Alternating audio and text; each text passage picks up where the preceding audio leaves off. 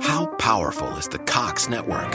So powerful that one day the internet will let your doctor perform miracles from thousands of miles away. Connecting to remote operating room. Giving a whole new meaning to the term house call. Operation complete. The Cox network. With gig speeds everywhere, it's internet built for tomorrow, today. Cox, bringing us closer. In Cox serviceable areas, speeds vary and are not guaranteed. Cox terms apply, other restrictions may apply.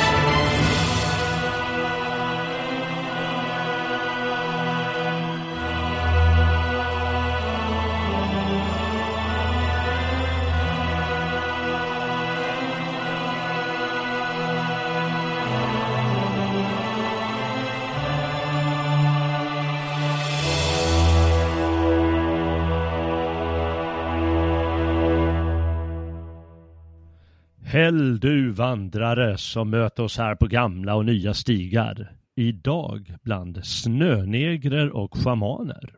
Och Henrik Jonasson. Henrik är sedan ett par månader tillbaka en ny röst på det fria Sveriges tidskrift Nationalisten och även på Motpol. Man kan även läsa kortare inlägg på Twitter och hans hemsida där han presenterar sig på följande vis. Jag är en ny form av nationalist. Jag är inte en bister staty bland bortglömda ruiner eller en fånig profet som talar om förlorade dygder med lossad auktoritet. Jag är en liten apa i toppen av en frusen tall. Jag är en gatuhund som nafsar förbipasserande kvinnor i vaderna. Jag är en ensam vandrare i vintern, krokig som trädens nakna grenar. En schaman klädd i snöns kusliga skimmer det vita täcke som suddar ut gränsen mellan himmel och jord, kvinna och man. Vi lever inte i en förfallen tidsålder. På samma sätt som neon kräver natten så är vår tids mörker den djupblåa duken för en alldeles särskild form av skönhet som världen ännu inte sett. Gudarna tar inte världen nedanför på allt för stort allvar och det borde inte heller vi göra. Skönhet är för dem en lek och skönheten älskar dem ibland oss som vet hur man leker. Jag heter Jalle Horn och välkomnar nu dagens medvandrare Henrik Jonasson. Ja, hej Henrik! Ja, hej! Kul att få vara med. Ja, roligt att ha dig med här. Vi har ju aldrig träffats, men ja, eller hörts, så det blir första gången. Vi får hoppas att det blir spännande. Ja, ska nog gå an. Och roligt. För du har ju en del eh, roliga passager i de texter du har eh, lagt upp på Motpol. Jo. Jo, det är bra att ha lite roligt också. Ja, ja, det är väl lite av ditt budskap att, ja. eh, att eh, kampen för dem på högersidan, eller för oss på högersidan ska jag väl säga, måste ju även vara lustfylld. Mm. Istället för eh, en gammal staty. Mm. Och det var ju så att när man liksom läser de här gamla texterna från antiken, de här gamla hjältepåsen, de är ju de känns ju inte alls bistra utan det är väldigt färgsprakande. Det är liksom, det är liksom det man dras med i det, det är liksom vackert, det är roligt. Det är liksom, de tyckte det var roligt att slåss och vi måste liksom kunna ha samma känsla i vår tid också. Att vi har liksom ett uppdrag att skapa en ny kamp och den är lika rolig för oss som kampen var rolig för antikens hjältar. Ja, precis. Det är bra sagt. Man pratar ju om det homeriska skrattet. Ja, precis. Ett uttryck liksom, som... Svårt att säga om man... Man, måste kunna ta det som en lek och ett skratt och, och alltihop helt enkelt. Mm. Ja. Jag kommer ihåg när den här gamla bistra filosofen Herakleitos, undrar om man inte han har en, en någon passage där han säger att eh, det är som, som barnet som bygger sandslott och sen bara slår sönder det. Ja. Man kanske måste se det på det sättet. Det, det gör lite ont ibland, men... Mm. Jo, men det är lite så att liksom det gamla sandslottet, liksom det Sverige vi haft och förlorat, och liksom så här tidsvattnet har kommit in och dragit bort den och då måste vi som, nästan som barn bygga någonting nytt. Ja, och eh, därigenom kan vi kanske vara snönegrer och shamaner. Vilka mm. är de här typerna egentligen? Ja, snöneger är väl ett uttryck, jag tror Varg Vikernes som sa det först. Folk gjorde sig lustiga över till exempel han, han pratade om liksom det här enkla livet med sin lilla stuga kontra de här stora romerska pelarna och sånt. Och då mm. menar ju folk typ att han var bara som en neger i skogen. Ja, vem då sa du? Jag hörde... Varg, Varg Vikernes. Ja, okej. Okay. Mm. Jag, i alla fall där jag hörde det uttrycket först. Ah, ja, okej, okay, ja.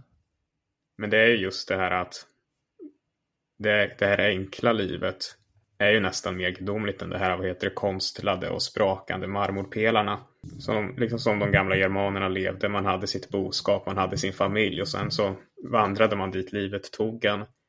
Man erövrade nya länder, man byggde upp en ny stuga, man drog vidare till nya länder och det var liksom, livet var som den här gudomliga leken som gick om och om igen ett med naturen. Ja, just det. Man behöver ju inte vara en, alltså man måste ju inte vara en marmorstaty.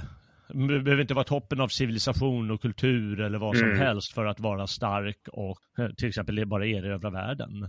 Ja, precis. Eller för att leva, leva ett gudomligt liv. Ja, just det. Så räcker det med väldigt lite. Det är liksom, ja men som germaner, de hade sin familj och sin yxa och sitt boskap. Det behövdes inte särskilt mycket mer. Okej, okay, ja. Och de, ja. Var ju, de var ju också, som Tacit säger, när romarna mötte de här germanerna, var mycket större och vackrare än vad romarna själva var. Just. Som hade levt i det här civiliserade och idealistiska, liksom hade filosofer som tjatade om ideal dag ut och dag in, medan germanen han bara levde med naturen. Han mm. blev av sig själv mycket vackrare och större. Just det. Ja, det är ju en del av hans eh han har lite civilisationskritik i sin bok. Eh, mm. Han har lite den attityden att romarna har blivit dekadent, lite dekadenta kanske, men eh, ändå det finns något friskt hos de här barbarerna. Mm. Finns det någon snöneger kvar hos svensken idag? Ja, det är ju just det som har gått förlorat. Vi liksom lever i någon, liksom vi har den här eh, romerska samhället och lagen, fast vi har inte det som var coolt med romarna. Vi har liksom inga legioner eller kejsare, utan vi har bara liksom det sämsta av det juridiska och det sämsta av det civiliserade. Ja. Men det finns ju också en möjlighet nu när det här gamla systemet, det gamla Sverige börjar krackelera, att det liksom bildas öppningar för att skapa någonting eget. Mm. Och liksom det, i de öppningarna kan det finnas en chans att liksom leva det här med livet som en snöneger, så att säga. Just det. Men vad jag tänkte var att äh, svensken själv, eh, liksom svensken på gatan eller den vanliga mannen eller vad vi nu ska kalla folk för. Äh, finns det någon snöneger kvar i honom? Eller är han förstörd av, av sitt, sina ruttna institutioner? Nej, alltså jag tror att liksom institutioner och sånt är egentligen väldigt grundöverbyggnad. De mm. har ju liksom en makt och vad heter, eller formar människors liv så länge de är med i spelet. Men liksom det är samma blod i svenskar på gatan som för tusen år sedan eller två tusen år sedan. Liksom bara ges det rätt förutsättningar så kommer det mesta blomma ut av sig självt. Och det är också att man måste ju fortfarande också ha den här kärleken till sitt folk även om det liksom ser mörkt ut idag när man tycker folk är korkade eller så vidare så är det ju fortfarande ens folk. Och liksom man måste ju ha någon form av tilltro på blodet att det kommer kunna skapa något. Alltså, allting som vi hade förut skapades utav oss. Mm. Och vi kommer kunna skapa någonting liknande igen. Ja, det är bra. Det är förhoppningsingivande i alla fall. Och kanske mer förhoppningsingivande än, äh, än, än det som man, man märker en kritik av, av högervärlden i det du skriver. Vi kanske kommer in på den snart, men att det du säger är ändå mer förhoppningsingivande. Mm. Än, den, äh, än det som har sagts i, i 10 år, eller 15 år, eller 20 år för den delen. Ja, jo jag känner så. Ja, okej. Okay. Vi kommer väl återkomma till det, men vi måste ju ta shamanen också. Vem, vem är shamanen? Det var ju den här, vad var det i början av januari när de stormade Kapitoliet, ja den här byggnaden i USA. Just det, du, du syftar på allas vår hjälte Jake. Ja, så var det. Ja. Och liksom, även om det inte var någonting så ledde någonting vart, så bara liksom den här bilden eller känslan utav någonting som var liksom helt utanför vår vanliga värld. Det var liksom så lustigt utklädda människor som liksom bröt ner ja, men alla, alla regler, alla, alla förhållningssätt som de här institutionerna bygger på bara liksom gick in och ställde sig där. Och det, var liksom, det kändes just som en sån här spricka jag pratar om, att snart så börjar det brytas upp små luckor i systemet där vi kommer kunna bygga någonting eget. Mm. Kanske inte typ så här, storma riksdagen kanske inte ger, kanske ger lika lite resultat som det var för dem i USA, men liksom så här att ja, men storma sin egen sin egen omgivning, liksom bygga så att säga egna gemenskaper lokalt, egen försörjning, egna skyddsnät åt sin egna och liksom egna klaner och bara ja, gör, liksom leva det livet som man själva vill. Ja, just det. Eh, men du, eh, du vill, vill lyfta fram något annat hos eh, den här Jake än bara att man lyckades få, få till, visa, den här, visa upp den här sprickan som finns ändå i systemet. Just med, med honom och hans, hans bizarra, men jag, jag tycker underbara klädsel. Jag, jag, sitter ibland och tänker på det. Alltså man får aldrig glömma den där dagen, den 6 januari, det var ju ett par, tre grader Celsius i Washington DC. Mm. Och det är ju antar ett skitställe i världen. Det är liksom hjärtat av the swamp. Ja. Och det är ju så här fuktig luft och så. Det är ju inte sån karg eh, vinter som i, i Västerbotten eller något sånt. Eh, där det är liksom minus 20 och de är sköna de där minus 20 graderna eller 15 minus. Mm. Utan det är så här snålblåsigt och så. Det sades folk, jag har hört folk i intervjuer så att det, det var svinkallt. Folk gick bara hem. De vill inte vara med och skita längre för de orkar inte. De, mm. Trumpen står och snackar i en och en halv timme. Ja, men då gick de. Men då står han där i sin en, en halv buffelhud och horn på huvudet. Eh, kan du liksom lägga ut den här bilden som du ser framför dig, vad det symboliserar tycker du? Ja, det kan ju inte vara någonting annat än en inre glöd liksom. Mm. Det är ju nästan som, jag menar han står där med den här buffalohornen som det var liksom var en bortglömd gud från steppen som liksom hade kommit fram där för att liksom visa sig på nytt. Mm. Liksom, nu har USA byggt sitt imperium på den här marken, men nu är det någonting annat mycket äldre som vaknar. Liksom den här barbaren som kan stå barbröstad liksom i snålblåst och regn mm. liksom. Det var, det var liksom primalt på något sätt. Okej, okay, ja, var primalt ja. Ja, verkligen. Ja. Och vad, vad, kan han ge oss, eller den här bilden av honom, av Jake, vår hjälte? Mm.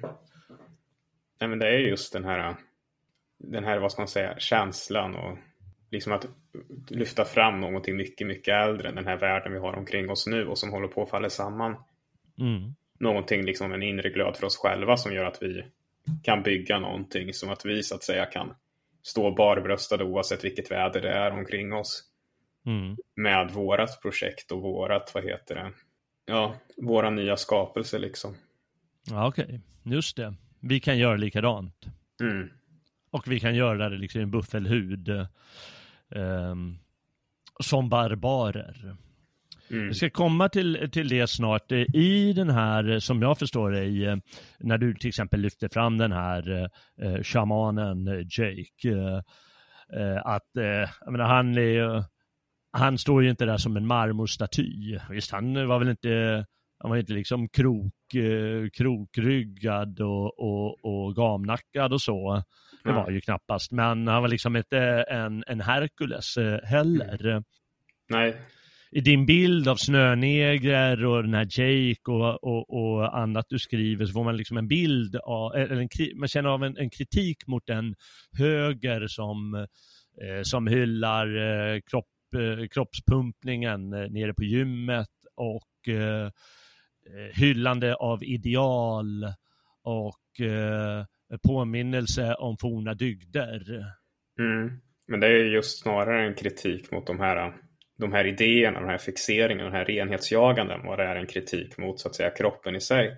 Mm. För liksom att så att säga en stark och lycklig och liksom livskraftig kropp, det är ju liksom någonting gudomligt. Mm. Men det är ju, men som till exempel den där shamanen, han var ju liksom tränad även om han inte var någon, vad heter det, bodybuilder. Mm. Men liksom just den här, vad kan man säga, den här livskraften, den här livsglädjen, den här liksom nästan lustiga galenskapen i det hela liksom gav ju honom någon form av energi som många saknar när de är just där fixerade vid musklerna i sig. Mm. Utan det handlar mycket mer om att hitta den här, den här inre livsglöden så växer ju musklerna kring det som någonting vackert, någonting naturligt.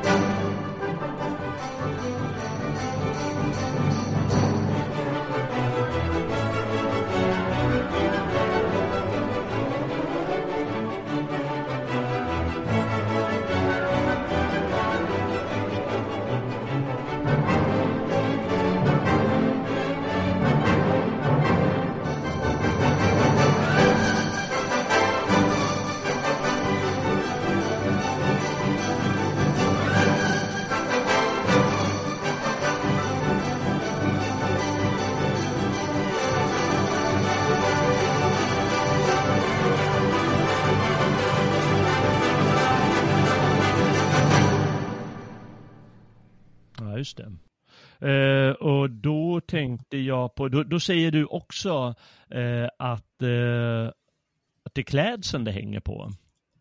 Alltså att man måste hitta en stil ungefär. Att det är det viktigare snarare än att, eh, att eh, polera, sina muskler eh, som då jag menar, vi, vi ska inte kritisera någon eller något här utan problemet med en sån sak är att det kan bli tomt. Det kan vara att man trampar vatten. Mm. Att det inte ger någonting djupare, någon inre glöd.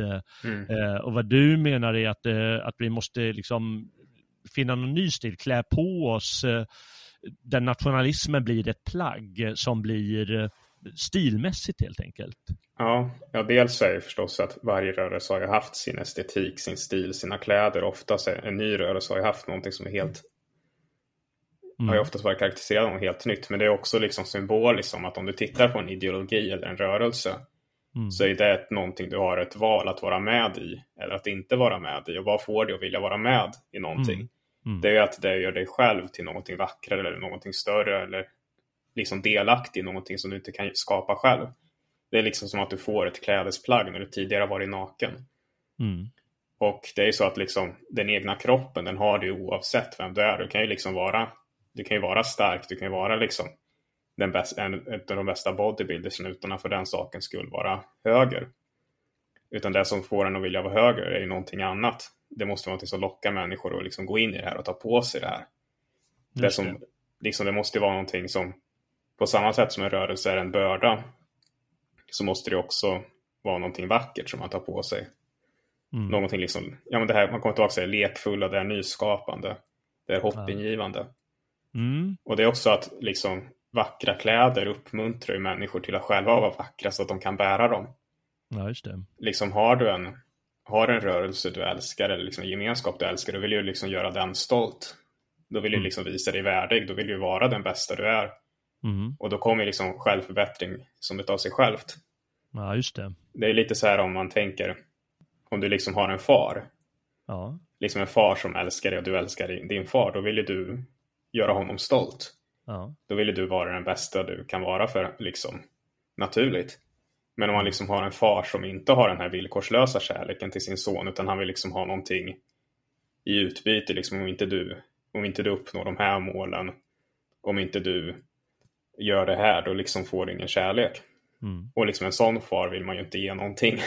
Nej, det är sant. Just det. Utan liksom, det handlar egentligen inte om krav, utan det handlar ju om den här, jag menar att nationen är en familj, nationen är en blodsgemenskap och som sån är den villkorslös. Mm. Och det leder ju i sig till att folk vill vara de bästa de är. Och det är där vi måste börja, vi måste kunna skapa den här genuina gemenskapen, den här genuina kärleken, den här genuina klädseln, klä sig. Mm. mm. så kommer ju allt det här, allt det här annat, det kommer liksom lösa sig själv. Ja, just det, det kommer som ett brev på posten här. Ja. Jag, jag, tänkte på det när jag tänkte på folk som jag, jag, jag har lite svårt för. De har invaderat eh, bostadsområdet där jag bor. Mm. och det är vänstermupparna. Ja. Och det är alltså unga människor som eh, nu i, i verkar 20 års tid har gått i eh, lite fula kläder kallar jag för. Ja. Det, det, spelar egentligen ingen roll där utan det är bara liksom någon sorts sjaskig stil där de försöker likna, kom jag på nu idag i morse när jag tänkte över det här eh, programmet. Eh, de, de försöker likna någon sorts brittisk popvänster eller något sånt. Eller 90-tals pop popband eller något sånt. Mm. Men, men det som är fascinerande med dem, med de här personerna. Alltså, vi, vi, vi, I Sverige tänker man, när man bor i Stockholm i alla fall, tänker man då på hur de har varit på Södermalm nu i 20-25 år. Eller här i Berlin så går de i, har de sitt blåa och orangea och gröna hår. Mm. Och de känner sig inne och coola och, och allt vad det är. Men det som är intressant med dem, det är att eh, de, de tycker om vilka de är. Mm. De trivs med att eh, vara, det är inte bara att de är som en punkare som ska vara utmanande, utan de trivs att vara eh, vilka de nu och hänga på sin bar och, och träffa sina kompisar och ha sina second hand-kläder och säga att det värsta som finns är pressväck på byxorna och, och, och skratta med varandra och de märker knappt förljugenheten liksom. De, de ingår ju trots allt i ett förljuget samband för Ja. de jag menar, deras åsikter är ju intoleranta och förtryckande och till slut kommer det mörda dem själva givetvis. Men ändå så de känner sig bekväma och de tycker om vilka de är där och det är ändå något beundransvärt. Mm. De har kul. Jo, precis. Och det är väl liksom, liksom problemet är inte hur korkade vänstern är och liksom hur, kan folk, hur korkade folk kan vara som liksom vill vara en del av det. Mm. Utan problemet är liksom att vi har liksom varit så dåliga så att vi inte kunnat skapa någonting som är roligare. Mm. Det är liksom, det liksom finns ett sånt stort öppet mål och liksom skapa någonting som är, liksom det är inte så hög ribba att skapa någonting som är roligare eller bättre. Och det är inte konstigt att folk ändå så söker till den här liksom skräpkulturen omkring oss när det inte finns något alternativ som är genuint eller roligt. Ja, just det. Nu kommer vi in på alla modeskapares eh, problem. Hur skapar man en bra stil? Mm. Hur, skapar, hur ska vi på högersidan skapa liksom någonting som eh, folk uppskattar och får upp ögonen för, alltså på ett positivt sätt? Eh, Mm. Men det här är ju underbart. Hur ska vi skaffa de här fantastiska kläderna? Ja, det är liksom kläder eller kultur i största allmänhet, för kultur är ju Mm. liksom klädesplagget i större. Ja, Det är liksom, jag tror man måste liksom, liksom våga försöka vara genuin på något sätt. Liksom våga släppa för ett tag de här idealen och liksom våga bara liksom skapa någonting som känns bra, som känns livskraftigt och göra sådana saker. Mm. Jag tänker liksom, jag menar om man, liksom Eddie Meduza, om man tänker på honom. Just det.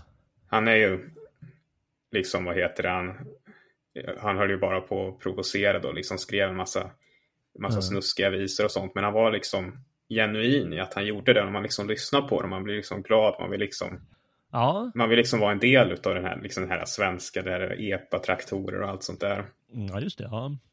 Ja, Jag förstår Ja. lite vad du menar. Ja. Jag, eh, för, för jag beundrar ju raggarna. Jag kommer att skriva Ja. en artikel en gång eh, som heter Vart tog raggarna vägen? Eller något sånt. eh. Mm. För de skulle ju behövas i vår tid. Ja, Jag, jag drog ett exempel att eh, en kompis han blev lite retad av några och då råkade hans storebror vara raggare. mm. Och det var ju ligister som hade retat honom. Men raggarna de skiter i det utan de kör, samlade ihop gänget och tog raggarbilen och, tills, och körde runt tills de hittade de här eh, avskummen. Och så gick de ut och pucklade på dem bara. ja. Och sen Och så det- drog de därifrån. Och så var det klart liksom. Och så lyssnade de på Eddie Meduza hela vägen. Jo, det är liksom ett jättebra exempel på hur det här som nationalister, nationalistiska ideologer pratar om liksom männerbund och liksom heder och plikt och du står upp för dina egna. Hur det kan växa fram av sig självt kring någonting sånt egentligen fånigt som raggarkultur och Eddie Meduza liksom. Mm. Liksom mera brännvin och så helt plötsligt har du ett männerbund. Men det är ju just för att det är en genuin gemenskap och då vill folk försvara den av sig själva. Just det. Och det är... Ja, men det är lite av en befriande kultur när man ställer upp höga ideal och ska vara korrekt. Och så mm. behöver inte vara politiskt korrekt utan på något sätt korrekt helt enkelt. Det är ganska, det är ganska svårt att bära sådana kläder. Jo. Och det är ganska skönt att vara, du skriver till exempel, du använder ord som puritanism och eh, inte prydhet, men jag har ju nämligen svårt för puritanism och prydhet och sånt också. Ja. Men när man, när man målar upp idealen för högt, då blir det att man blir puritan. Mm. Och det är väldigt, eh, det är inte många som klarar, det är till och med frånstötande. För folk jo. vill ju ändå leva livet, säger du ju. Jo, det blir ju liksom att man, det går över om man gör då, liksom man, man liksom idealiserar skönhet så mycket så blir skönheten till slut någonting frånstötande. Mm. Det blir ju paradoxalt så misslyckas ju det man, det man försöker främja. Ja, just det. Det är typ som du skulle typ säga, stärka ett par kläder tills du inte kan ta på dig dem längre. Utan kläder behöver ju vara liksom lite flytande. De behöver kunna liksom följa, ja, men följa vinden lite grann för att det ska kunna vara en bra passform och kunna liksom Just det. Kunna, vad heter det, framhäva det vackra i kroppen liksom. Ja, men det är sant. Får alla glömma, grunden för skönhet är det homeriska skrattet. Ja. ja. Nej, men det måste finnas allt det där, okej, inte bara ideell skönhet utan det måste vara en del eh, mm. verklighet i det hela också. Mm. Och där ingår det ju förstås, och det säger du, att vanliga människor de är krokiga. Eller mm. de är fula kanske. Några råkar vara vackra, de har ju tur va. Och sen så resten av oss har vi liksom inte särskilt snygga eller någonting. Nej. Utan lite krokiga och dana. Men, eh, men vi har ju, skönheten måste man hitta på annat sätt. Mm. Och liksom det skönheten, det är ju det här, ja, men det här livsbejakande och liksom fylla sin roll även om man själv är liksom lite ful och krokig. Liksom att kunna visa den här värmen och livsglädjen gör ju även det fula vackert. Mm. Liksom vanliga människor är ju oftast behagliga och vackra att umgås med även om de inte är några statyer. Mm. För de har ju ändå så, som vanligt folk har, oftast den här ändå så godhjärtade inställningen. Den här lite lekfulla. Ja. Och sen är det ju, för i deras fall är det tvärtom att de saknar det här, saknar det här mer ideala, det här mer pliktmässiga. Mm. Men det är ju egentligen två sidor av samma mynt, att det behövs både och. Ja, just det. Eh, men du tycker att eh, en del av högerrörelsen har blivit för polerad eller för eh, kanske tjatar om ideal. Jag, menar, jag, jag har ju ett stort problem hos mig. Jag, jag gör ju de här programmen. Det är väldigt befriande att göra just mina program för då tar jag upp roliga kulturämnen som jag presenterar på ett någorlunda lustigt sätt, eh, hoppas jag. Eh, men faran ligger ju förstås att man ältar politik eller anarkotyranni och, eh, och sådant. Eh, och när man ältar det där, ja, då blir man nästan lite puritanskt lagd. Precis. Är det det som är problemet? Att, vi, att man, man, eh, man försöker hylla något som, som blir löjligt till slut? Mm. Det är liksom man, man står utifrån och kollar så liksom möts man av det här, liksom det stora luftslottet eller det stora idébygget. Där mm. människor liksom ska, vad heter den, passas in i. Istället för att man möts av någonting som försöker bygga någonting med verkliga människor. Liksom någonting som försöker ja, egentligen så här, skapa ett liv för, eller skapa ett bättre liv för den vanliga människan och liksom ge henne någonting bättre och ge henne en miljö som hon kan växa i efter sina ofta krokiga egenskaper. Okej. Okay. Eh, men, men är den verkligen så högerrörelsen i Sverige? Eller är det, eh, har den fått den bilden eller? Eh, jag, jag, befinner mig på avstånd från den i och med att jag eh, eh ofta är i Tyskland. Mm. Eh, så jag ser inte det där riktigt längre, men eh, och, och vardagen har blivit så, liksom ganska dominerande del av vardagen tycker jag har, har de senaste 20-30 åren, den har ju blivit det, det vi kallar den här popvänsterns villkor. Mm. Och då är det svårt att vara höger, men är liksom högerbilden, är det som du lite beskriver att den är, eh, att den hyllar lite löjliga ideal kanske eller är för välpolerad eller för, eh, ja, någonting som jag inte kan sätta orden på. Att den borde bli mer lekfull. Ja, det kanske är liksom bara den här, den här liksom fixeringen vid renhet och, sån, och en gammal värld som inte längre finns istället för det här med att skapa en ny värld i den gamla ruiner. Mm. Vad är det för gammal värld som man försöker återskapa då? Det är ju egentligen allt det här som vi hade men som liksom vi har förlorat nu. Man måste liksom så här, erkänna för sig själv liksom att vad lite makt man har, liksom att det var väldigt länge sedan som Europa låg i Europas öde låg i liksom nationalistiska händer. Mm. Och att vi liksom är inte de här äh, stora legionärerna eller liksom krigarna som försvarar civilisationen utan vi är typ så snarare ja, men typ så här bönder och skogsmän liksom i vad heter imperiets utkanter som försöker bryta sig ut. Ja. Det är liksom på den sfären som våran makt ligger. Vi har ju egentligen ingen röst i det här monstret som den västerländska civilisationen blivit. Det här Ah. systemet som blivit mycket större än oss själva. Just det. Utan vi kommer, växer vi oss för stora så kommer vi att trängas ut eller vad heter det, kvävas för vi är beroende av det här systemet. Mm. Utan det vi behöver göra är ju liksom att för, först erkänna vad liten makt och påverkan vi faktiskt har på där den västerländska civilisationen blivit. Mm. Och sen bygga därifrån och bygga någonting nytt som just de. Ja men vi är typ, vi är typ bönder, rövare, skogsmän, vandrare. Det är Mm. liksom de sakerna vi måste associera oss själva med för det, det är så vi förhåller oss till den globala världen. Vi är liksom de här gränslandets människor.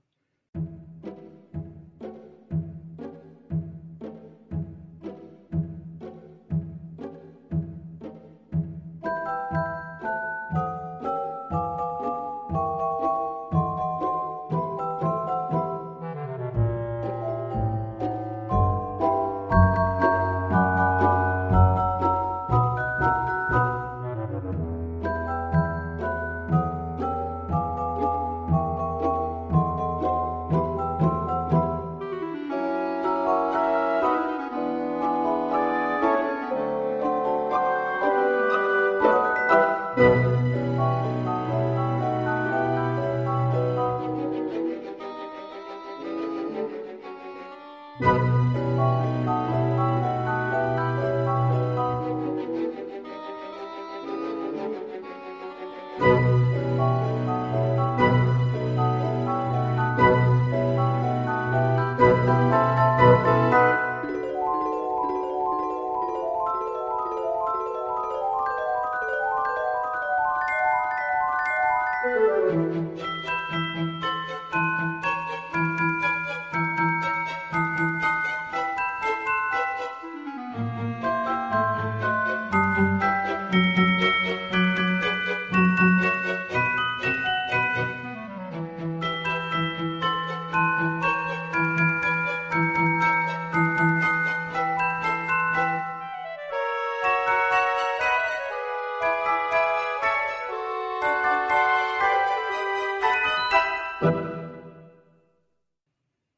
vad spännande.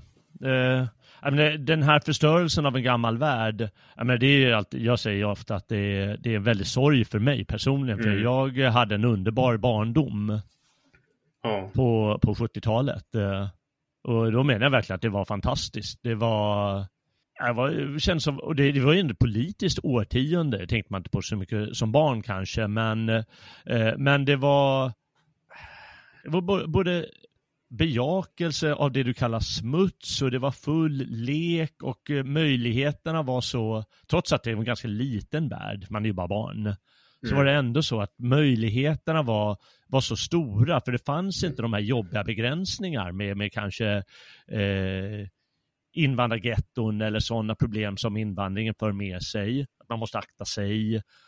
Och eh, barnen kunde leka fritt. Även när man var ungdom var det liksom begränsningarna var, det var liksom inte problematiskt samhälle som man kan hitta idag. Att man kan råka illa ut. Eller vad det är. Och den världen känns det som, den har, som jag säger, sossarna och dem, de har mördat den. ja, Men det är bara, det är bara eh, finna sig i läget. Och köpa det, att den här gamla världen, eller där, där tyskarna försvarar, kanske man inte gillar national, nationalsocialisterna, men vi kan ta det ur civilisatorisk synpunkt, där de försvarar västerlandet mot bolsjevismen. Den tiden är förbi helt enkelt. jo, liksom måste- det var ju, den striden har ju redan utkämpats och den striden har förlorats. Utan det som liksom är nu, det är ett, ett nytt tidsperspektiv. Inte för att liksom vrida tillbaks klockan, utan Mm. liksom för att bygga någonting helt nytt. Och det kanske gäller till 100-200 år, liksom att långsamt ta tillbaka det som är våra förfäders jord Just till oss själva. mm. Och det kommer liksom krävas en, en helt ny bas att stå på. En helt ny självständighet som man bygger upp. Ja. Jag tror ju att eh, svensken har ganska goda möjligheter för det. För jag, jag ser ju alltid svensken som du säger, så här, bon, eh, bonde. Han är ganska enkel. Han är Mm. inte så här övercivilisatorisk. Eh, eller, eller hon för den delen. Och eh, så, så jag tror att möjligheterna finns där för eh, för, för att kunna bygga nytt. Då är det bara vilsen i, i vår tid och vår värld givetvis. Och det, vilsen är man ju när världen är rutten. Ja. Jag tänker till exempel på allt det här med som svenskar är så duktiga på nu för tiden. Det här med liksom så klimatgrejs och vegetarianism och sånt där. Mhm. Det är ju mångt och mycket en undertryckt impuls, liksom längtan till naturen och det enkla som liksom har blivit perverterad av den moderna världen och riktat till en massa andra saker. Mm. Liksom det här till exempel med liksom massa unga tjejer som blir veganer eller vegetarianer.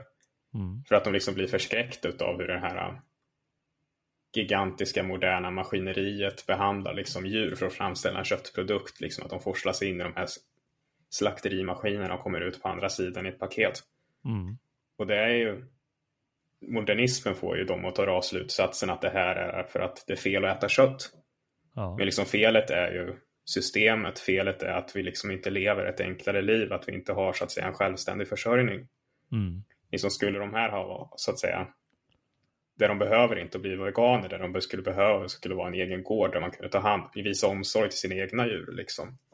Just det. Just det, är, det. det är liksom många så här fina impulser i svensken till just det här enkla, det självständiga. Som vad heter det, kapas av modernismen och blir till exempel vegetarianism eller feminism. Det, blir, det är liksom kapat. Liksom den här svenska kvinnans längtan efter en viss självständighet. En viss likvärdighet med sin man liksom. Och det kapas och perverteras till feminism.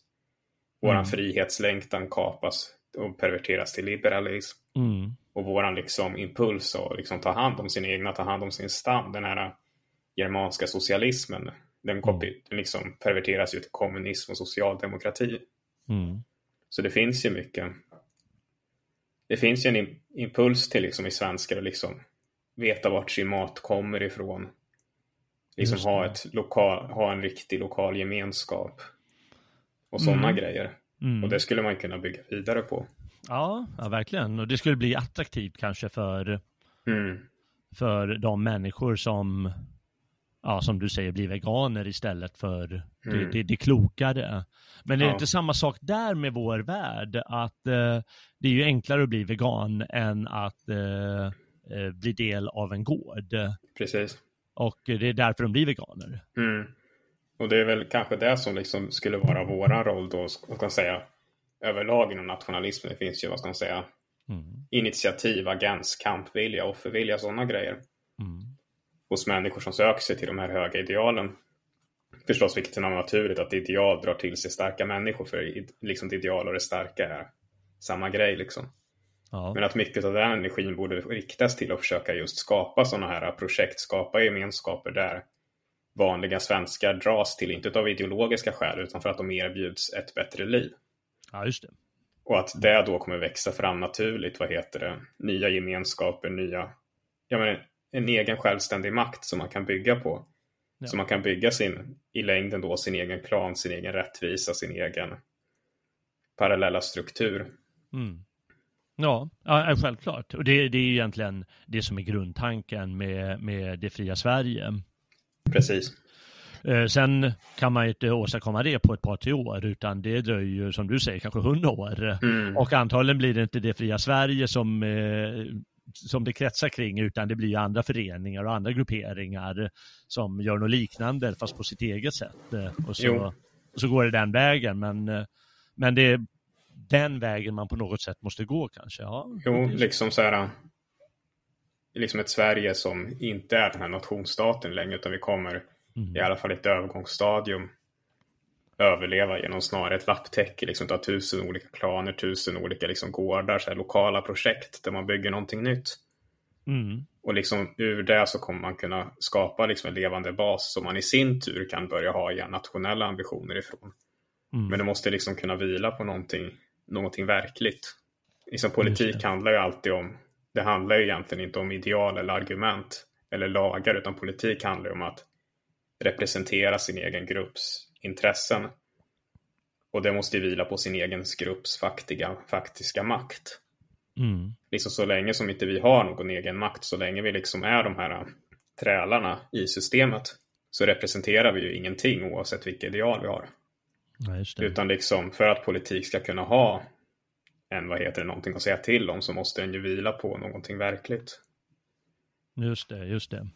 Ja, och då får man bygga som du säger eh, så länge och det man bygger då är i bildlig mening klaner. Mm. Och det har du ju en artikel som, eh, som handlar om myten om, den heter myten om återvandring. Mm.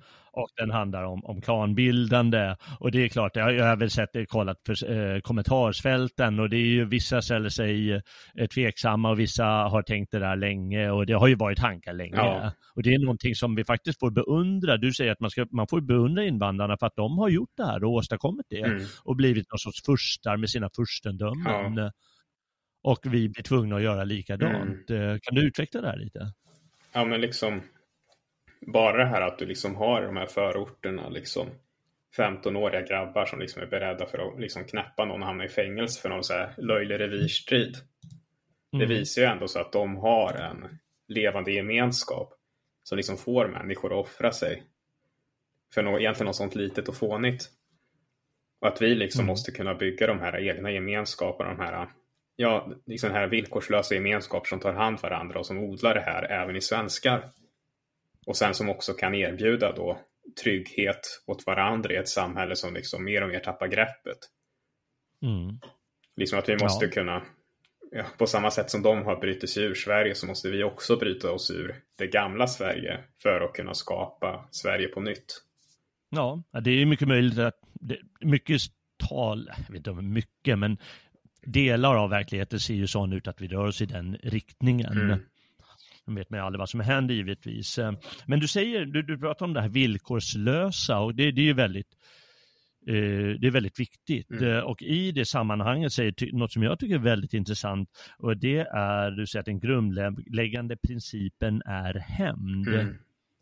Och det tycker jag själv, om jag bara själv lägger ut texten lite, så har jag, jag vet inte om jag skrivit någon gång eller om jag bara diskuterat i något program eller någonting, att en stor brist i vår tids samhälle, det är att de makthavande svenskarna inte, de vill inte bestraffa. Mm. Och det är därför vi har den här eh, fåniga eh, brottslingspolitiken som vi har. Vi vill inte straffa brottslingarna. Mm. Och det är ju förstås en, det, det, det, ett samhälle kan ju aldrig leva under sådana omständigheter där man inte vill straffa den som har brutit mot eh, samhällets helgd. Nej. Utan då måste man vara beredd att eh, utkräva hämnd mot förövare. Och det säger du är en viktig princip för att klara det här. Jag tror ju själv att det, det, att det är så. Mm. Det svenska samhället är ju dömt att dö om de inte kan bestraffa brottslingar. Mm. Utan säga, ja, nej, du får vara brottsling. Jag, jag brukar säga att svenska samhället, PK-samhället idag, det uppmuntrar brottslingarna, ofta som råkar vara främlingar, att uh, vara det och vara det ännu hårdare. Mm. Och uh, kan, kan du lägga fram vad du tänkte på det här med hämnd? Jo, det är just då att de måste ju den här, den här motpolen till deras, till deras planer, det måste ju vara då någonting som svenskar skapar själva, en egen liksom våldskapacitet och en egen liksom gemenskap som man värnar med sina egna händer. För mm. liksom där samhället sviker så kommer ju förr eller senare vanligt folk behöva värna sig själva. Mm. Och det är liksom det här att om du ska ha en egen gemenskap eller en, en egen klan då, om man vill använda det ordet, mm. så måste ju den vara liksom villig till hämnd, för annars kan ju vem som helst trampa på den. Det är ju liksom mm. så enkelt. Ja. Att liksom, du kan inte bygga någonting nytt om inte de medlemmarna i det här nya är beredda att hämnas varandra.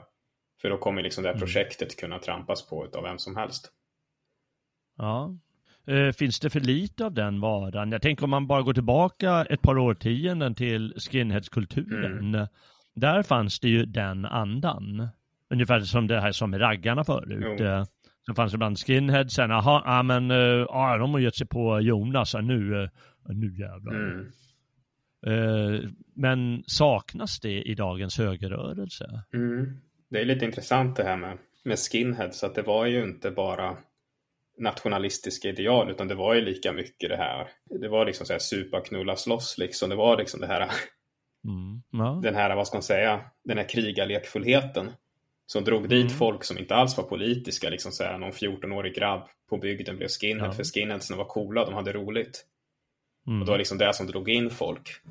Och sen gjorde de vilja att liksom så här hämnas på ett sätt som många liksom i högern inte är idag för att vi har bara de här fina idealen, inte de här riktiga gemenskaperna. Ja, vi behöver lite skinheads-anda eller eh, någonting. Och det, jag menar, där har du ju som du säger en estetik och alltihop. Mm. Eh, jag har ju aldrig tyckt att den är särskilt vacker, eh, skinheads-estetiken. Men andan kanske inte är något fel på. Nej, det är liksom, liksom den här den andan som behövs, fast ändå i några helt nya former, för nu är vi ett, vi ett annat årtionde, annan tid liksom. Ja. Men att vi behöver skapa liksom, ja men det är liksom så här skinheads, snönegrer, shamaner, det, det är lite samma sak alltihop. Mm.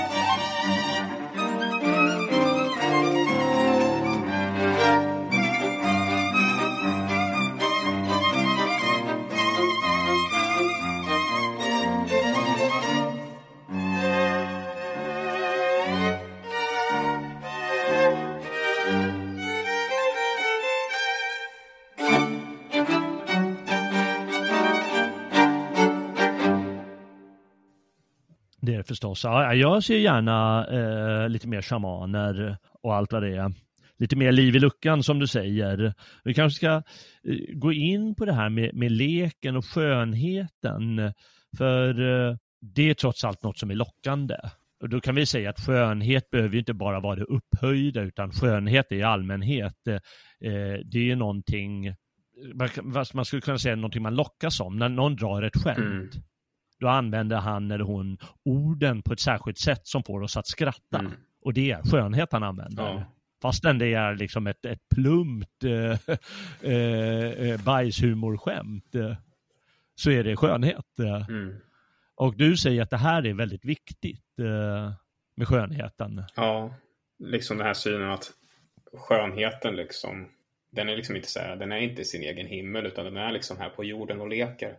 Vi är liksom inte, vi är inte skapade som några eviga statyer i himlen utan vi är liksom de här människorna som kryper omkring i skogen och hittar på massa dumma saker.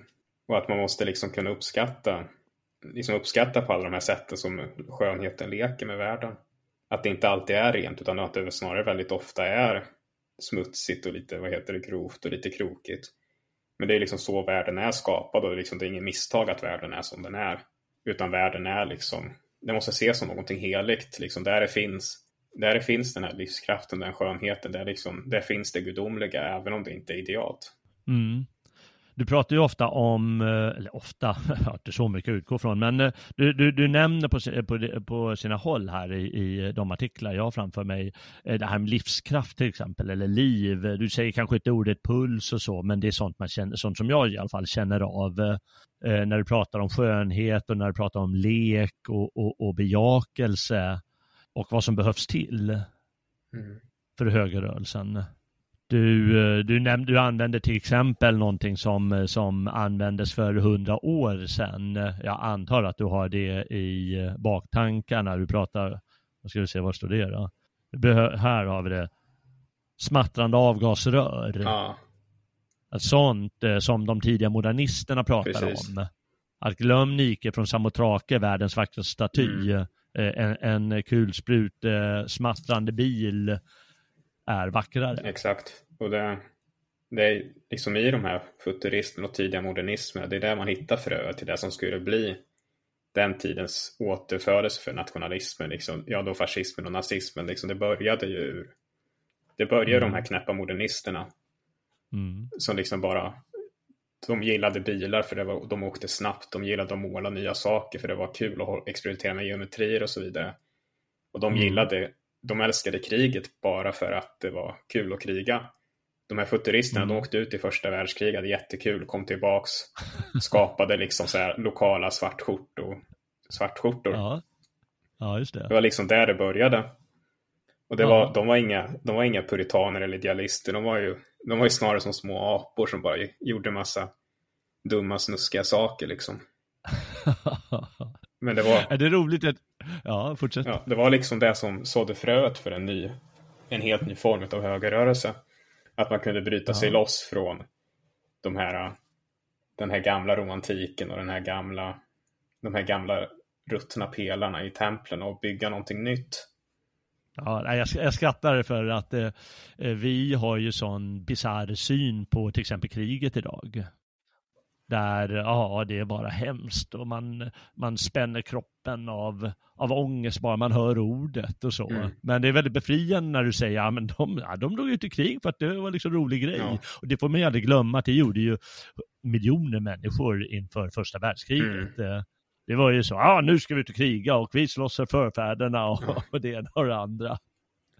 Och det var ju väldigt många som gjorde så, inte bara modernisterna då, mm. men, eh, men just eh, de blir en symbol för de som kan skapa konst och allting av den känslan mm. och allt som du säger. Det är liksom så här, jag tror många i högern också köper den här modernistiska berättelsen om att krig är elände för man lägger så stor tyngdpunkt på liksom plikt och uppoffring och man måste liksom man ska gå i krig för det är där man måste och man måste kunna offra sig och liksom möta smärta och så vidare. Man får ju då den här väldigt frånstötande bilden av heroism även när man försöker främja heroism på det här sättet. Ja. Utan att man behöver liksom, när man kollar på krigsskildringar och läser dikter och böcker från krigare. De tyckte att det mm. var roligt och är därför de gjorde det nästan. Ja, man, man ser framför sig en D'Annunzio, en italienska, han var inte futurist eller någonting, men han var lite, han tillhörde den dekadenta eh, konstgrenen kan man säga. han var ju, han var ju, han var ju, ett, han var ju ett barn som du säger. Ja. Så lekte, lekte sina krig och, lekte sin konst och, och, lekte allt vad han gjorde. Ja, och han lyckades liksom som av en slump skapa ledarprincipen och skapa den här fascistiska ja. staten och skapa liksom, vad heter det, den här idén om liksom livet som ett konstverk i sin lilla mm. egna mikrostat som han liksom skapade för att det typ var, han är, vad var det, han samlade ihop några krigsveteraner och åkte över havet och erövrade en liten stad. Och utropade ja. sitt eget kungadöme. Och det blev liksom ja, inspirationen för det som skulle komma sen. Mm. Ja, fascinerande. Ja, det behövs mer, fler Danuntius eh, idag. Mm. Gabriele. Um, jag eh, när du pratar om, om skönhet på det sättet du gör, du pratar om, om, om livet eh, på det sättet du gör eh, och livskraft och, och vad som krävs eh, och lite hur idealen blir förstelnad moral och så, då tänker jag alltid på Nietzsche förstås. Eh, mm. Och när jag läste igenom eh, dina texter eh, och sådär igen, Eh, då, då fick jag i huvudet en gammal eh, en, eh, en Nietzsche-dikt faktiskt. Han är mest berömd för sin filosofi, sina filosofiska böcker, men i, i slutet av den bok som heter Den glada vetenskapen, Fröhliche Wissenschaft, då har han med några dikter. Och jag tänkte på den här dikten, den är lite lång. Den är väl så här åtta, nio strofer. Men jag tänkte jag måste nästan läsa den. Ja, låter spännande. Och den heter Till Mistralen, en dansvisa. Och Mistral är ju en, en vind eh, nere i eh, antingen så här, eh, det, portugisiska kusten där eller Biscayabukten eller om det är Medelhavet. De brukar prata om Mistralen. Om det är där i södra Frankrike eller så. Någonting sånt är det. Mistralen är i alla fall en vind. Och den går så här. Eh, vind som jagar molnens hopar, mördar kvalmet, himlen sopar, brusvind, vad jag älskar dig. Äro vi i samma skötes förstlingsskänk och går till mötes samma lott i ödets krig. Här på klippans glatta fotstig dansande jag ilar mot dig, dansar i den takt du gav, du som friast bland de våra, utan segel eller ål, åra, ilar över vilda hav. På ditt rop jag strax dig kände, hän till klipporna jag rände, hän till strandens gula vall. Häll, då bröt du över branten, ren och klar som diamanten, hejdlös som ett vattenfall. Över himmelens arena såg jag vilda spannet skena, såg den vagn du åker med, såg din hand när över dina hästar du lät gisslet vina, blixtlikt ryckas upp och ned. Såg dig full av iver springa ner ur vagnen, såg dig stinga genom luften lik ett spjut, lodrätt ner i havet skjutet som när första strålespjutet mellan eldmån ljungar ut. Virvla nu bland böljebrusen, dikta danser tusen, tusen, häll var nyfödd melodi. Låt oss visa vad vi heta, glad vår vetenskap ska heta och vår konst ska heta fri. Låt oss från vart blomstånd smycka oss med rosor skönt och rycka oss två gröna blad till krans. Dans om lik Provence poeter mellan skökor och asketer, mellan Gud och värld vår dans. Vem ej dansa kan med vindar, vem som sig med bindlar lindar, lämmalytt på varje vis, hycklare, lumpna själar, dygdegäss och äreträlar, bort ifrån vårt paradis. Stoft från vägarna vi jaga, in i lungan på de svage, skräckslå deras sjuklingssläkt. Vi förlosser hela stranden ifrån allt som tungt drar anden, allt som blickar fegt förskräckt. Hetsom dem som dagen kväva, världens svärta, molnen väva, blåsom himmelriket klart. Fram, O alla fria, vida andars ande, vid din sida får min lycka stormens fart. Och att tecknet av min lycka evigt måtte världen smycka, tag nu kransen med dig upp, högre, fjärmre, längre släng den storma himmelen och häng den högt på fästets stjärnor upp.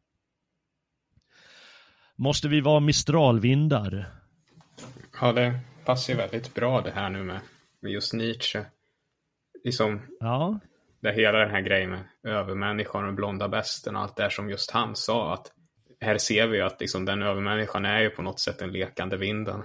Det är liksom det här, allt det här som folk som många har tagit till sig från Nietzsche.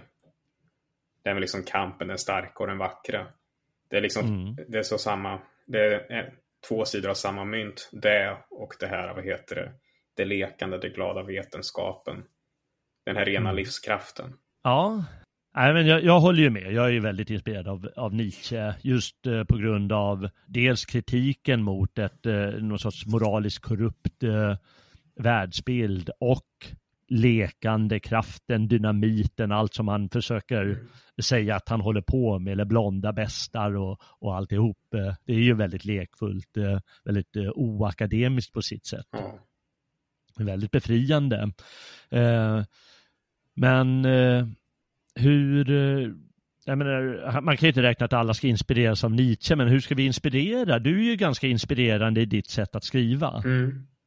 Det är ju ganska befriande och ganska eh, slagkraftigt. Eh, en vän till mig, eh, jag vet inte om du har träffat honom någon gång, Rudolf heter han. Eh, Jag tror att han har sagt att han träffat dig och suttit och pratat med dig någon gång i Stockholm. Ja, ja just det. Ja.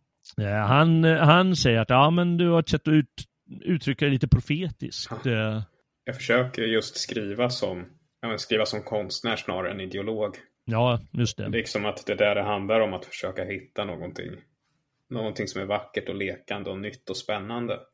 Snarare Mm. än att hitta någonting som är, stämmer med ett system om hur världen borde vara och vad vi borde göra. Så måste man ju Mm. börja tvärtom just i det här, det estetiska, liksom det inspirerade. Liksom bara, bara gå ut i världen och försöka känna vad som finns där och försöka fånga någonting utav det för oss själva. Ja, jag håller med. Jag, jag tror att, jag vet inte, men, men folk glömmer eh, ofta att eh, Eh, stora inspiratörer eller inspirationskällor, du har skrivit här, eh, den sanna aristokraten är den som inte tar världen på för stort allvar. Och eftersom jag samtidigt tänkte på, på den här Nietzsche-dikten och eh, han har i Den glada vetenskapen, det är någonting som eh, är menat, jag vet inte hur, men det ska handla om eh, eh de gamla provinsalska trubadurerna. Mm. Det, det kommer därifrån begreppet eh, glad vetenskap, eh, att det är liksom en blandning mellan vetenskap och konst. Eh, och den första poeten, eh, alltså trubaduren, provinsaltrubaduren, eh, brukar man säga att det är Wilhelm av Akvitanien. Han var en fantastisk människa. Alltså han, var ju, han, han blev ju bannad av kyrkan många gånger och han var ändå med i korståg och sådana såna saker. Och han, han hotade att gifta sig med sjökor eh, om de inte passar prelaterna och, och det ena och det andra. Han ville san- minsann ha sina frillor relativt öppet. Mm. Eh, Och var, var, var inte, inte rädd för att låta livet vara en lek. Ja. Och sådana inspirationskällor är, eh, jag tycker att de är väldigt angenäma. Jo, det är liksom där man hittar de riktiga halvgudarna. Ja, De här som både liksom både har vad som krävs för att skapa någonting vackert och liksom offra sig när det behövs men som samtidigt inte tar världen på för stort allvar. Ja. Liksom man kan ju tänka sig när gudarna kommer ner hit och vandrar i mänsklig form. Varför skulle de liksom vara allt för bistra eller ta världen på så stort allvar liksom? De är ju större än så. just det. Och det är liksom, om man vill liksom skapa någonting som är nära gudarna, någonting som talar till gudarna och någonting som kan tala för gudarna. Så måste man Mm. också ha, inte bara deras krigiska sida, utan också den här väldigt lekfulla och lustiga sidan. Ja, verkligen. Eh, innan jag frågar dig om det finns några sådana inom synhåll idag, eh, ska jag bara passa på att eh, tipsa dig om, idag är det ju tisdag och ikväll då smäller det för då, då kommer eh, ett program om Egil Skallagrimsson Mm. eh, på gamla och nya stigar. Och eh, där har vi åter en sån figur som gör att han upplever de mest bisarra saker. När vi spelade in det här, jag och Robin Holmgren, satt vi och, och, och, och gapflabbade med jämna mellanrum för att det är så knasiga situationer ibland. Och där har vi återigen en sån person som liksom på något sätt leker livet samtidigt som man tar det på stort allvar och samtidigt som man kan skapa stor konst och kriga.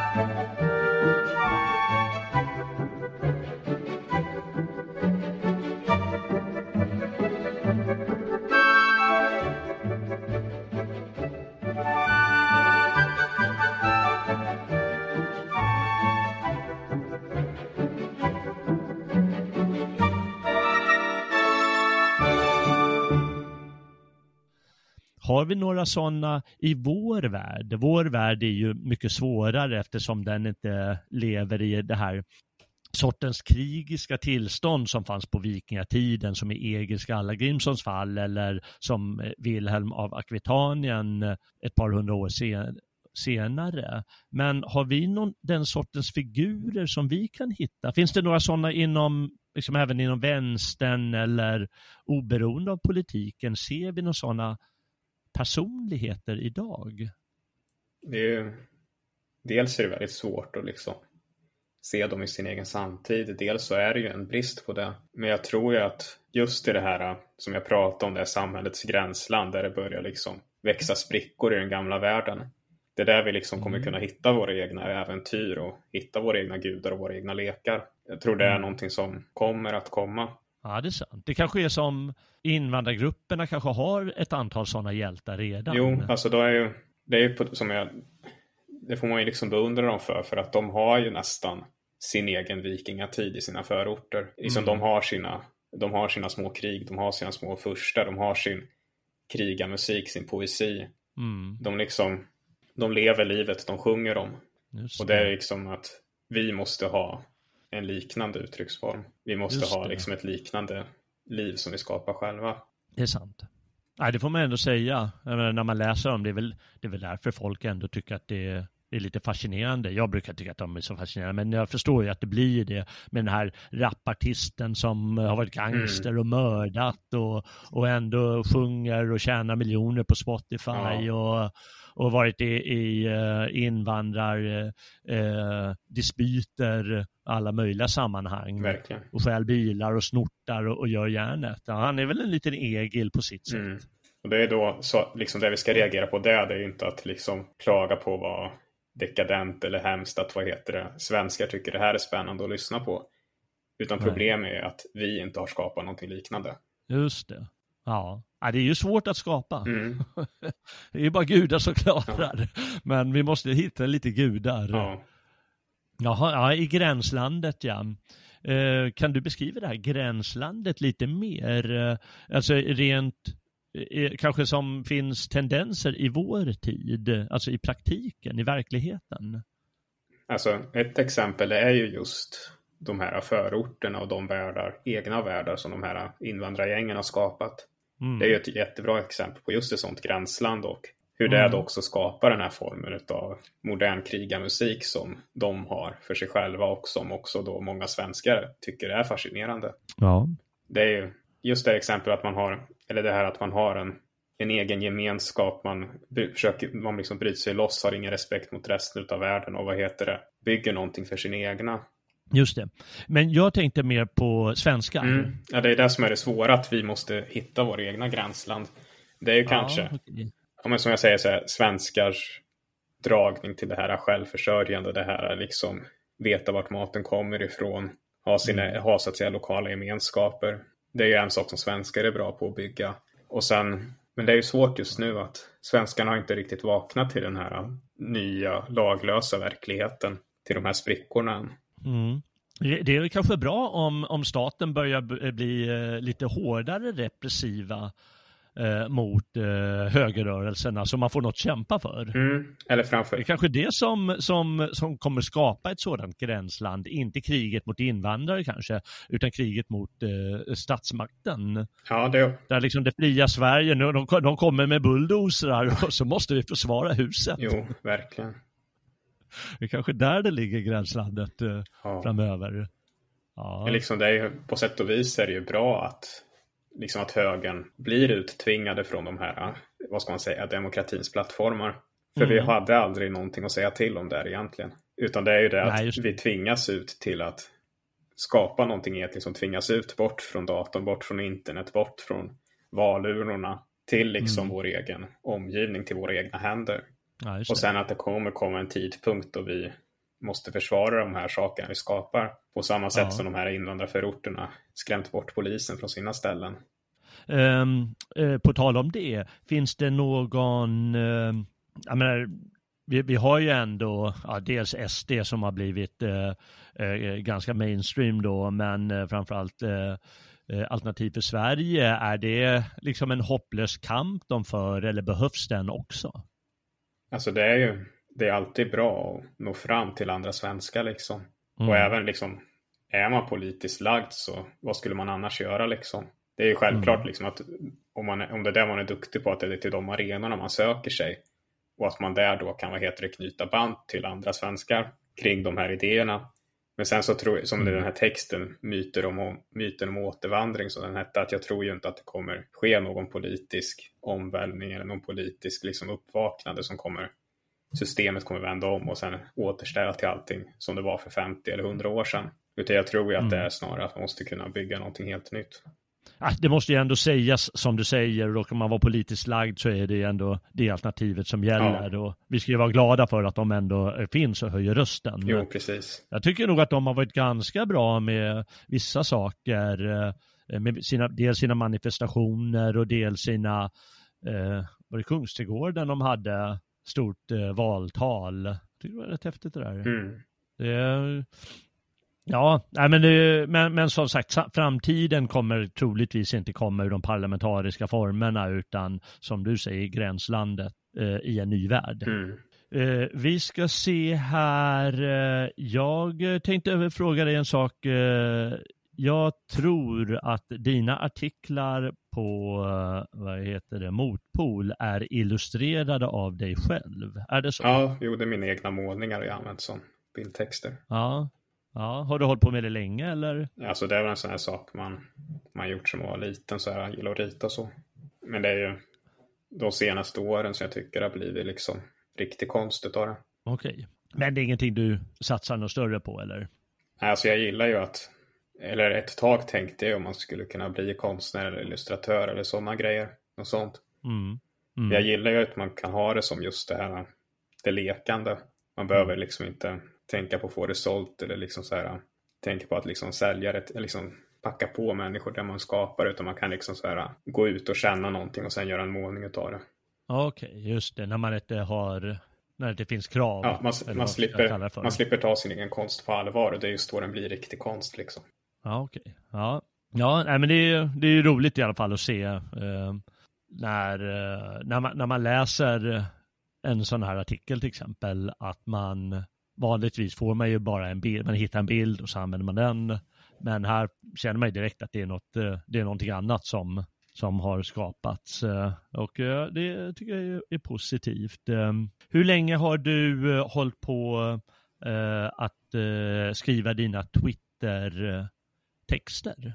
Jag tror det var ett och ett halvt år.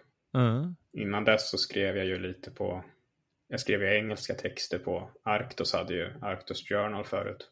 Mm. Där skrev jag en del texter. Okay. Och sen började jag skriva på Twitter på svenska och sen nu har jag börjat skriva längre saker på svenska igen. Jag tycker det är mest de här senaste sakerna som börjar träffa rätt. Ja, just det. Träffa det du, det du vill säga ja. kanske. Ja. Har det varit så här olika uppvaknanden i ditt liv eller har det liksom ändå gått en ganska eh, att i en särskild riktning ända från det det var ungdom? Eller finns det någon brytpunkt?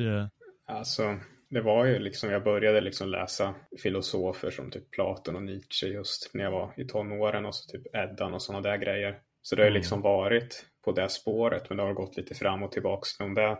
Liksom ett tag så höll jag väldigt på mycket det här med tradition och metafysik och sådana där grejer, men det är också en, bara en form av renhetsfixering. Mm. Det är liksom först på senare tid som jag tycker att det har svängt tillbaks till det som just är, ja, det jag pratar om nu här, det, här, det verkliga liksom. Skönhetens lek i världen och sådana grejer. Och eh, hur länge har du eh, varit höger så att säga, eller vad vi ska kalla det för? Har det alltid varit det eller är det något som har kommit på senare år eller? Nej, det har väl egentligen, även om jag inte tänkte så mycket på politik så har man väl egentligen alltid varit det. För det går ju just mm. i hand i hand. Har man de här har man liksom någon längtan till det här övermänskliga, gudomliga och vackra, då måste man ju liksom bli höger i någon form. Men sen har det, sen har det liksom så svängt fram och tillbaka till vilken sorts höger, liksom hur man ska kunna uppnå det. Ja. Tills jag landade liksom där jag är nu.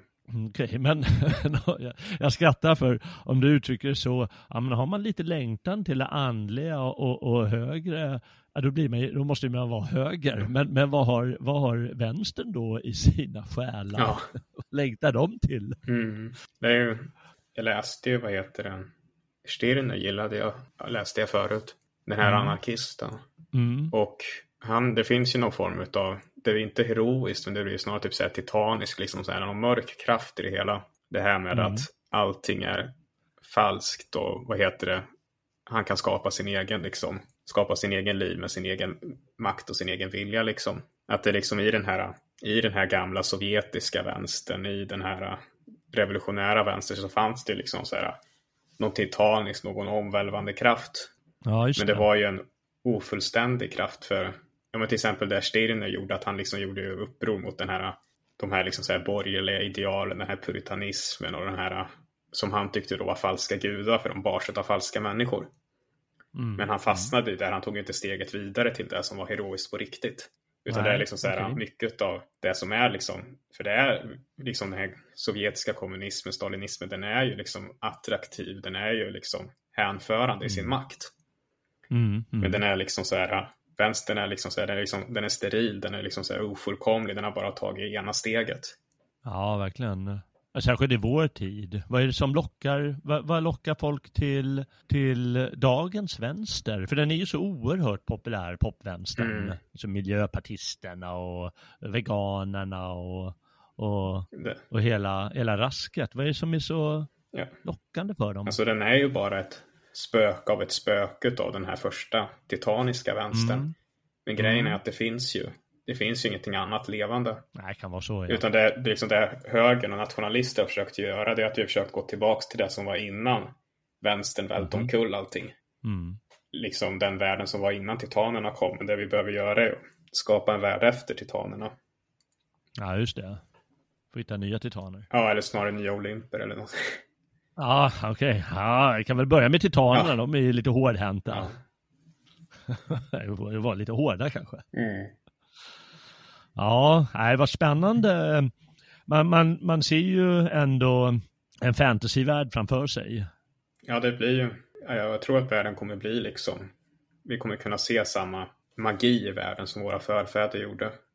Så vi kommer mm. bli tvungna att liksom så här, leva i den på ett helt annat sätt. Just nu ja. så är vi de här kuggarna i det här stora maskineriet.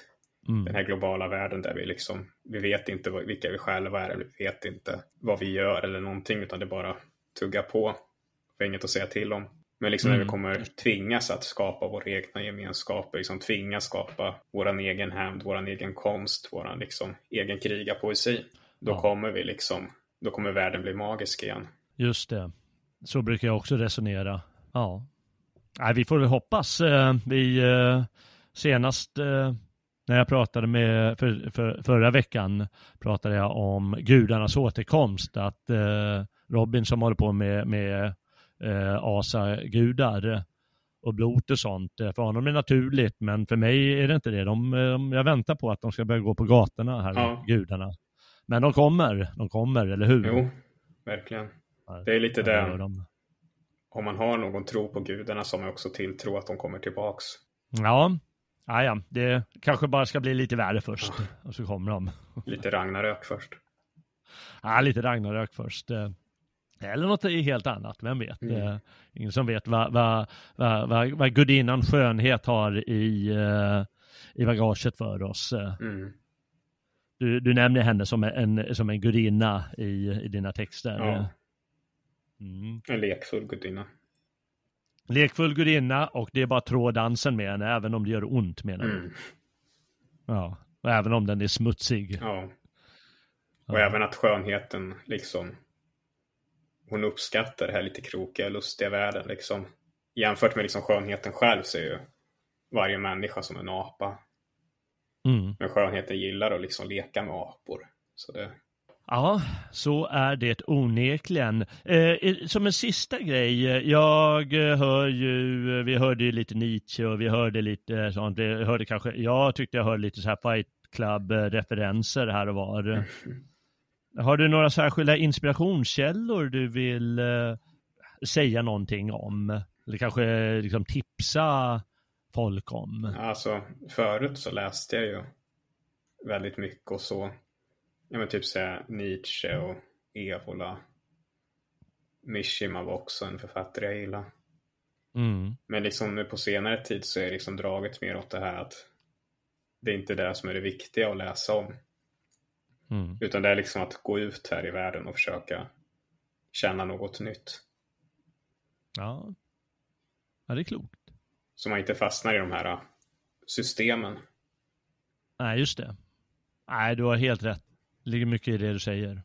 Ut i världen och hitta någonting nytt. Mm. Ja, underbart. Som ett barn. Jo, precis. Ja, har du, eh, har du någonting du eh, tycker att vi har missat eller glömt som du skulle vilja lägga till? Nej, jag har nog inget mer i tankarna just nu. Nej, det var, det var int- intressant och eh, jag tycker inspirerande eh, att eh, både, höra dig nu och, eh, och då att eh, eh, läsa dina texter. Jag hoppas att du fortsätter eh, publicera dem. Mm. Och det är bara bra förstås om de är inte bara att de har en knorr utan att de kanske är lite provocerande. Ja, Mot sig själv menar jag, jo, som läsare. jo, precis. Att man, man tvingas liksom, liksom ransaka lite det högarna gjort hittills. För någonting har ju gått fel, för vi har ju förlorat. Ja, just det. Ja, men vi ska vinna någon gång. Precis. Ja. Uh, ja, nej men uh, det, det, så, så måste vi tänka i alla fall. Mm. Men, men som sagt, det, jag tycker det är inspirerande att läsa och jag hoppas att du återkommer uh, och, och skriver fler grejer. Uh, och du skriver ju i Naturalisten numera också. Ja, jag, jag fick hem tidningen med min första artikel. Ja, ja, du, du får hem tidningen. Ja. det är mer än jag får. ja, det är inte hela världen. Eh, vad heter det? Ja, och, och hur länge har du gjort det? Ja, det var ju första numret det här. Som Ah, kom, okej, som ja. kom nu i februari. Mm, just det. Men jag, Ja, men då har jag läst det. ja, men jag tänker ju, vad heter det, fortsätta skriva en gång i månaden. Så. Ja, nej, det, eh, det uppskattas och eh, det ska vi alla minsann ta del av. Jaha, här kommer man inte undan. Ja, eh, Henrik, eh, det var ett stort nöje att eh, samtala om, om din värld bland eh, snönegrer och shamaner. Ja, vad kul att medverka. Ja, kanske du återkommer eh, någon gång eh, här på stigarna och eh, har något annat att säga. Ja, Ja, vi hoppas på det bästa. Stort tack för det i alla fall. mm. tack, tack.